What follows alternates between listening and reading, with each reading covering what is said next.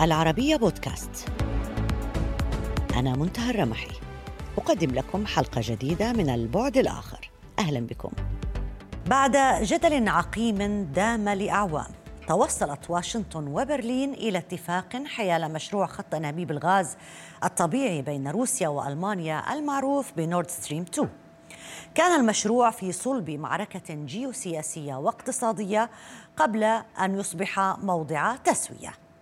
وبحسب أحدث تقرير لمؤسسة أويل برايس الدولية فإنه عندما يبدأ خط الأنابيب نورد ستريم 2 بضخ الغاز فإن عمليات التسليم المخطط لها من جانب شركة غاز بروم إلى أوروبا لعام 2021 ستكون 183 مليار متر مكعب.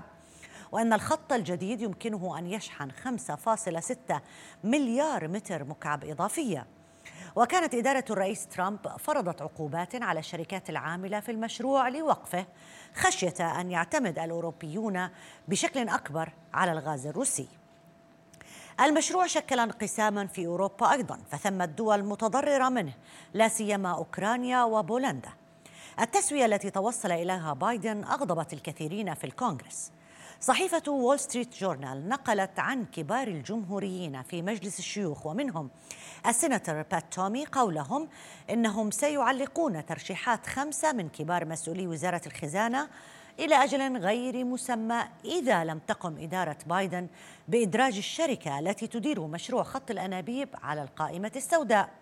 في انتظار ما سيؤول إليه الوضع داخل الكونغرس بين الجمهوريين والديمقراطيين نناقش هذا الملف بداية مع ضيفتي من واشنطن الباحثة المتخصصة في الشأن الروسي من معهد واشنطن لدراسات الشرق الأدنى آنا بورشكوسكايا أهلا بك معنا سيدة آنا Thank you for having me. اسمحي لي أن أبدأ معك بتفسيرك لهذا التبدل في الموقف الأمريكي حيال خط أنابيب الغاز الروسي من إدارة ترامب لإدارة بايدن. Uh,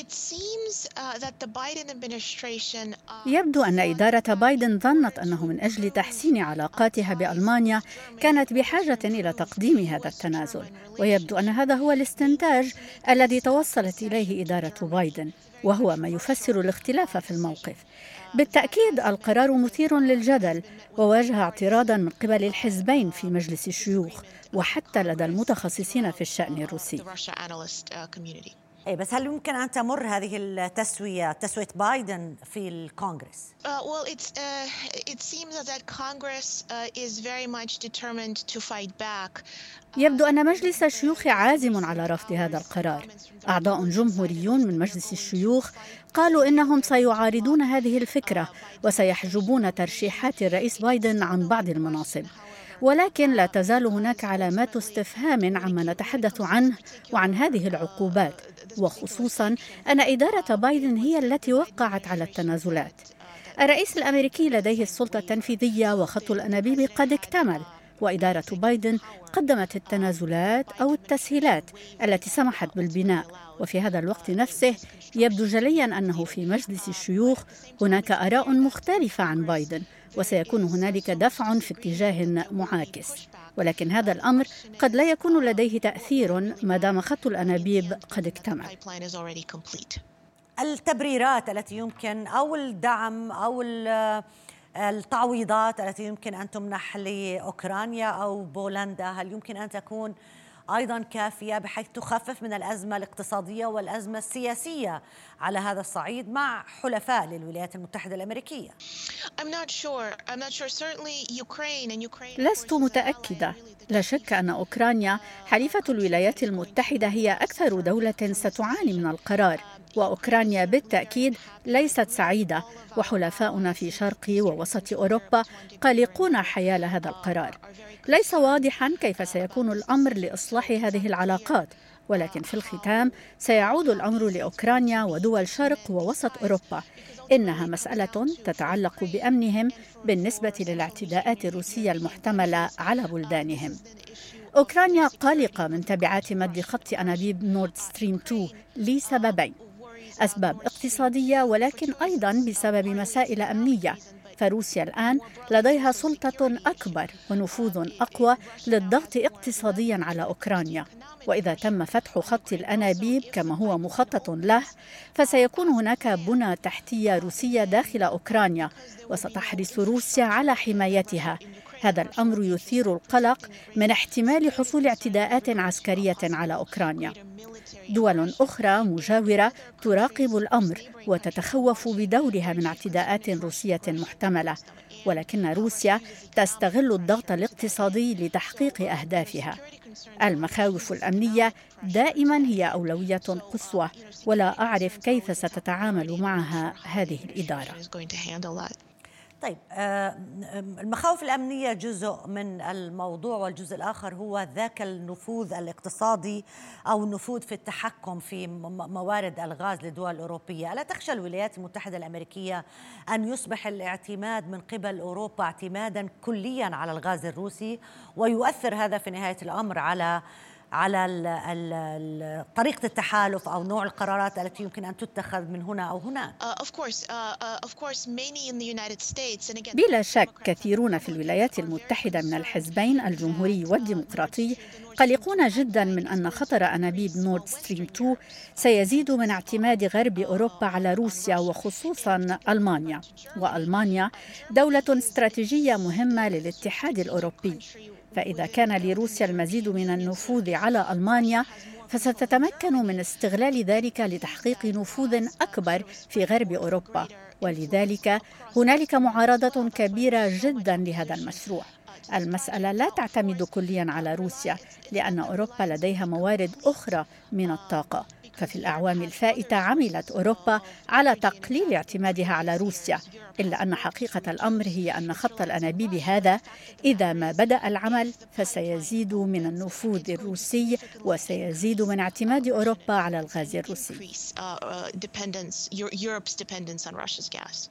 مثل هكذا مشروع بهذه الضخامة وهذا الحجم لما يتم التعاطي معه من قبل الإدارة الأمريكية هل يتم التعاطي معه من منطلقات سياسية ولا من منطلقات اقتصادية بحتة أم تدخل أيضا منطلقات آه، بيئية ونفوذ وتأثيرات أيضا على آه، الجانب الآخر؟ هو مزيج من هذه العوامل مجتمعة أعتقد أن المسألة الأهم هي أن إدارة بايدن تعطي الأولوية للصين وتنافسها مع الصين. هذه هي الأولوية القصوى لإدارة بايدن. فإذا نظرنا إلى استراتيجية الأمن القومي فهي تدرج الصين وروسيا في أعلى سلم المنافسين الجيوسياسيين. ولكن في الحقيقة أن الصين هي الأولوية القصوى وروسيا تأتي في المرتبة الثانية. بايدن عندما تنازل أو خفض العقوبات عن مشروع نورد ستريم 2 قال إن العقوبات لن توقف هذا المشروع. كان الأمر مفاجئا ولكن هذا ما قاله. بعض المحللين اعتبروا بدورهم أن خط الأنابيب لن يكون له تأثير كبير ولكن أنا شخصيا أشك في ذلك وأرى أنه سيكون له تبعات خطيرة. بايدن قال صراحة إنه يريد علاقات واضحة مع روسيا لأنه يريد التركيز على الصين. أنا لا أعتقد أن هذه السياسة ستنجح لأن الحكومة الروسية لا تريد علاقة طبيعية مع الولايات المتحدة ولكن هذا هو التفكير الذي يقود قرار بايدن. التفكير الذي يدفع إلى اتخاذ هذه القرارات هو أن نضع روسيا جانبا وننحي هذه المسائل لكي نركز على الصين. اي بس العلاقات الروسية الأمريكية أو الأمريكية الصينية هي علاقات غير مفهومة، لا يمكن تفكيكها وتحليلها بهذه بسهولة. يعني مثلا لو أخذنا فقط الانسحاب الأمريكي من أفغانستان وتأثيرات هذا على العلاقات الروسية والعلاقات الصينية مع أمريكا وفكرة الولايات المتحدة الأمريكية في المدى الاستراتيجي في صراعها مع روسيا والصين قد لا نفهم الموضوع بشكل بشكل يعني دقيق وشكل سريع وكذا العلاقة مع روسيا. آه، وهنا يأتي السؤال يعني أين اختلفت إدارة ترامب عن إدارة بايدن في العلاقة مع الروس أو العلاقة مع الصين؟ هذه كانت الإدارة السابقة أيضا. آه، تريد أن تركز أكثر على روسيا أو على الصين تحديدا. نعم. ما هو مثير للاهتمام أن هناك استمرار في توجهات إدارة بايدن وإدارة ترامب في هذا الاتجاه. كلاهما مهتم بالتركيز على روسيا والصين. الصين هي الأولوية القصوى بالنسبة للإدارة الأمريكية. حتى أكثر من روسيا. كلاهما مهتم بتقليص الالتزامات الأمريكية في الشرق الأوسط أقصد بايدن وترامب. ولكن عندما نتحدث عن الاختلافات بين الإدارتين نجد أن إدارة ترامب كانت أكثر حسما باستخدام الإجراءات القسرية. ترامب كان مهتما أكثر بمشروع نورد ستريم 2 كان يراه من زاوية اقتصادية إنما بكل وضوح كان يريد أن يفرض عقوبات عليه. وهذا ما فعلته إدارته. والعقوبات كانت رادعة في شكل كبير ولهذا السبب كان مفاجئا أن يتنازل عن هذه العقوبات لأنها بالفعل تمكنت من تجميد العمل بهذا المشروع. الاختلاف الآخر هو حيال أفغانستان. إدارتا بايدن وترامب أرادتا سحب القوات الأمريكية من أفغانستان. إدارة ترامب أبرمت اتفاقا سيئا مع طالبان وإدارة بايدن نفذت الانسحاب بشكل سيء أيضا.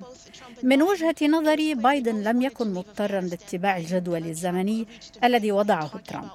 الانسحاب الأمريكي من أفغانستان بالطريقة التي تم فيها كان صادما ومرده إلى الفكرة ذاتها بأنه يجب علينا تقليص التزاماتنا هنا لنركز اهتماما على الصين. يعني نحن نحاول ان أن يعني نتطرق لهذا الموضوع في محاولة قراءتنا للأهداف الاستراتيجية بعيدة المدى للولايات المتحدة الأمريكية فيما يتعلق بالصين أو روسيا. آه، آه، ولا نتحدث فقط عن إدارة ترامب أو إدارة بايدن وحدها إذا كان هناك أي شيء متفق عليه بين الأطراف المختلفة. لكن لا يمكن لنا أن نتجاوز فكرة أنه إدارة بايدن ربما تريد تحسين العلاقات أكثر مع ألمانيا. ما الذي ستكسب إدارة بايدن من ألمانيا في هذه المرحلة مع رفع العقوبات عن نورد ستريم 2 سؤال وجيه. لست متأكدة من الكسب الذي سيحققه. ربما من وجهة نظر بايدن يتوقع أن يحصل على علاقات أفضل وأكثر تجانسا مع ألمانيا. ولكن لست متأكدة من أنه سيحقق ذلك. لأن ألمانيا مثل باقي الدول الأوروبية الحليفة للولايات المتحدة صدمت من الطريقة التي أدار فيها بايدن الانسحاب من أفغانستان. دول حليفة عدة ناشدت إدارة بايدن تأخير موعد الانسحاب من أفغانستان. لا أعرف حقيقة كيف يمكن لهذه الخطوة أن تحسن العلاقات مع ألمانيا. شكرا جزيلا لك أن بورشكوسكايا الباحثة في معهد واشنطن لدراسات الشرق الأدنى والمتخصصة في الشأن الروسي. ألف شكر لك على المشاركة معنا. شكرا جزيلا. نواصل مناقشة مشروع نورد ستريم 2 وتبعاته الاقتصادية والسياسية. هذه المرة مع ضيفي من لندن مورتن فريش الخبير المتخصص في شؤون الغاز. أهلا بك معنا سيد مورتن. Uh, uh, اسمح لي أن أبدأ معك بتقييم الدول الرابحة والدول الخاسرة من مشروع نورد ستريم 2 هل يمكن تعدادها؟ Um, well, uh, let me uh, uh, then إذا آه، هنالك زاوية مختلفة لهذا الأمر لأن غازبروم آه، في روسيا كانوا يخوضون المفاوضات مع الأوكرانيين أيضا آه، آه، خط انابيب يامال منذ فترة طويلة. الخط الأوروبي وخلال هذه المفاوضات كلا الدولتين وبالتحديد أوكرانيا طالبت برسوم أو تعرفه عالية جدا من غازبروم لنقل الغاز عبرها وغازبروم الآن ضمن الترتيب الجديد يدفعون آه، تعرفه عالية جدا. ونتيجة لذلك أوكرانيا وبولندا ما فعلهما هو وضع غازبروم في موقف آه، يكون نورد ستريم 2 اقتصاديا أكثر منفعة لغازبروم لاستخدامه وبنائه واستخدامه وبعد ذلك استخدام منظومات من الطرف الثالث على أسس التعرفه عبر أوكرانيا وبولندا. فمن وجهة نظري أن الوضع الحالي فيما يخص نقل الغاز عبر أوكرانيا إلى حد كبير جدا كان نتيجة لأوكرانيا هي نفسها. كان بإمكانهم هم حصلوا على بنية تحتية هناك وورثوها من غازبروم آه، بعد انهيار الاتحاد السوفيتي. وهذه البنى التحتية لم تكن أو لم تصن بشكل جيد وخسروا الكثير من قدراتهم نظرا للافتقار إلى الصيانة. وأيضا يحاولون لفرض رسوم عالية جدا على هذه الخدمة. وبالتالي فإن نورد ستريم 2 بنيت و صحيح أن خط أنابيب نورد ستريم 2 المكونة من أنبوبين مندمجين بقدرة 55 مليون متر مكعب سنويا. فنيا خط الأنابيب بني ولكن هنالك مسألتان هامتان أو عائقان أمامه. عائقان لا يزالان امامهما اولا خط الأنابيب لم يصادق عليه بعد من قبل شركة مصادقة و تفيد بأنه بني بشكل صحيح وآمن للاستخدام. في النرويج هنالك شركة مختصة بهذا الأمر بدأوا بذلك ولكن في الرابع من يناير من هذا العام كان عليهم الانسحاب من المشروع. بسبب العقوبات الأمريكية والضغوطات من الولايات المتحدة. وحسب علمي آه، لم يتم استبدال هذه الشركة بأي شركة أخرى آه، ذات تجربة مشابهة أو يمكن أن يوافق عليها من قبل المجتمع الدولي. هذه مسألة. المسألة الثانية الهامة هو أن الاتفاق بين الرئيس بايدن والمستشارة ميركل كان على أساس أن خط أنابيب نورد ستريم 2 سيمتثل. للقوانين الأوروبية الخاصة بالغاز وحاليا هو لا يمتثل لها. والسبب هو أن غازبروم يملك الخط وغازبروم سيكون المستخدم الوحيد لخط الأنابيب. وهذا يتعارض مع القوانين الأوروبية. آه، مالك خط الأنابيب نورد ستريم 2 أكسل شف في سويسرا.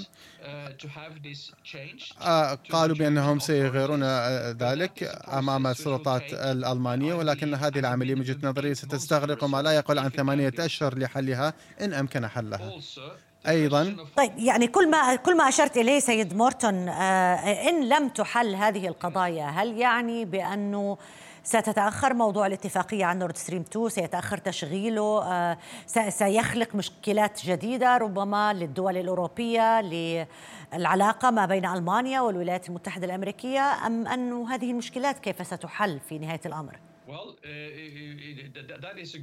السؤال وجيه ولكن أنا شخصيا أعتقد بأنه كلما أسرعوا في حل هذه المسائل لن يكون قبل الربع الثاني من 2022 وذلك فإن خط أنابيب نورد ستريم 2 من وجهة نظري لن يكون متوفرا أو متاحا لتزويد الغاز للسوق الأوروبي خلال الشتاء القادم وغازبروم تدعي أنها بوسعها فعل ذلك.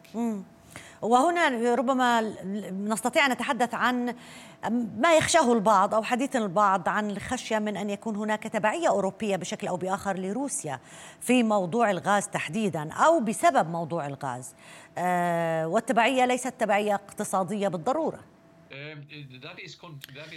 أنت محقة إذا ما أرادت روسيا أن تقطع الغاز عن أوروبا على الورق نعم يستطيعون فعل ذلك لأن روسيا هدفها هو تصدير 200 مليون متر مكعب من الغاز إلى أوروبا وهذا يوفر 40% من احتياجات أوروبا.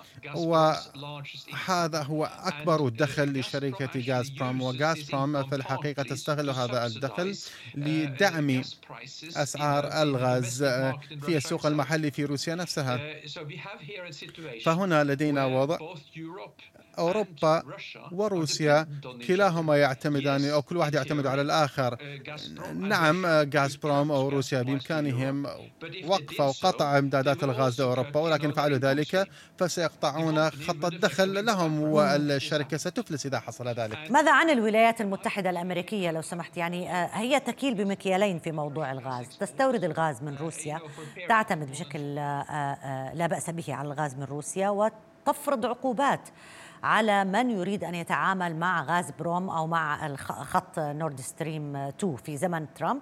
الآن قرر بايدن رفع هذه العقوبات. لماذا الكيل بمكيالين Well, this is a good question. هذا سؤال وجيه آخر. الرئيس بايدن قال بأنه يريد أن يصلح علاقاته بأوروبا لأن الرئيس ترامب تسبب أقل ما يقال علاقات غير جيدة مع أوروبا وبايدن يريد إصلاح ذلك. ولكن يفعل ذلك على أساس الشروط. يفعل ذلك مثلا من دون الدعم من مجلس الشيوخ لتحقيق ذلك. والولايات المتحدة إذا ما أرادت أوروبا أن تبعد نفسها عن احتياجها للغاز الروسي. فعليها أولا أن توفر الطاقة الأمريكية إلى السوق الأوروبي. أو ما كان الأمريكان يسموها بغاز الحرية الأوروبي. ولكن ما تفعله أمريكا هو بيع هذه الطاقة لأعلى الأسعار في السوق والصين هي من يدفع هذا الثمن واليابان وكذلك كوريا. فما سيحصل في سوق الطاقة. من خلال تركيز الولايات المتحدة على صادرات طاقاتهم إلى سوق الصين والذي تنام بشكل كبير جدا وسريع لكل شحنة من الطاقة تصدر من الولايات المتحدة إلى الصين. قاموا بزيادة احتياجات أوروبا للغاز الروسي فاليوم من خلال فعل ذلك هم يدعمون اقتصاد الصين من خلال توفير الطاقة لهم التي هم بحاجة إليها. وفي نفس الوقت يدعمون الاقتصاد الروسي من خلال خلق سوق أوروبي للغاز الروسي. الروسي. طيب الاستغناء عن الغاز الروسي أو أي أو الغاز والنفط الطبيعي إلى أي مدى يمكن للطاقة البديلة؟ أو الطاقة النظيفة أن تحل آه، آه، مكان هذا الغاز وأن تعوض آه، عن مثل هذه الإشكالات التي تحدث بين الدول. كما قلت الغاز الروسي اليوم يمثل 40% من احتياجات السوق الأوروبي النرويج بلدي أيضا مصدر كبير ولكنها لا تص... أو مصدر ولكنها تستطيع أن تصدر أكثر المستويات الحالية. شكرا جزيلا لك ضيفي من لندن السيد مورتن فريش الخبير المتخصص في شؤون الغاز. شكرا لك على المشاركة معنا. وبهذا مشاهدينا الكرام انتهت حلقة اليوم من برنامج البعد الآخر. دائما يمكنكم متابعتنا على مواقع التواصل الاجتماعي تويتر فيسبوك ويوتيوب. إلى اللقاء.